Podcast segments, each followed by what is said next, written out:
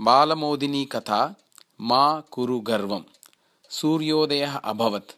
हिरण्यमयाः रविरश्मयः प्रकृतिं स्वर्णसदृशम् अकुर्वन्। ग्रामात् बहिः एकस्य कूपस्य निकटे स्थितेषु एका उषास्नाता कलिका अतः स्थिते जले स्वमुखम् अवलोक्य चिन्तयति। अहो मम सौन्दर्यं तु अनुपमम् अस्ति।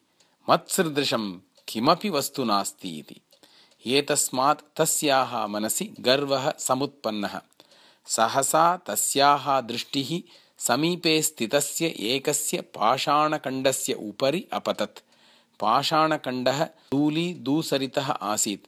कृष्णवर्णं तं पाषाणखण्डं सा अवदत्। भोः पाषाणखण्ड भवान् तु ईश्वरेण कीदृशीं विकृतिं गमितः।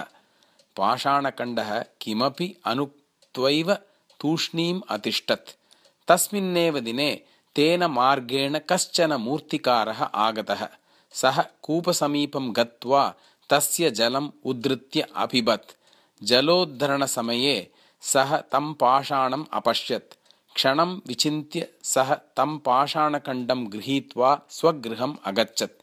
गृहं गत्वा तेन पाषाणखण्डेन सह एकां देवमूर्तिम् अरचयत् एकस्मिन् मन्दिरे सा तेन स्थापिता अपि।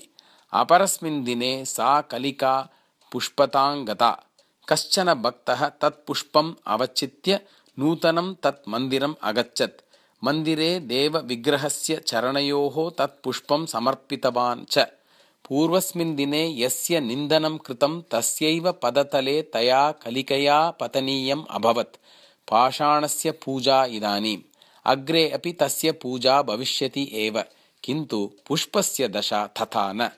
अद्य पदतले वासः अग्रे शीर्णता च। स्वस्य दुर्गतिं दृष्ट्वा कलिकया महान् खेदः अनुभूतः। तस्याः गर्वः समूलम् उच्छिन्नः अभवत्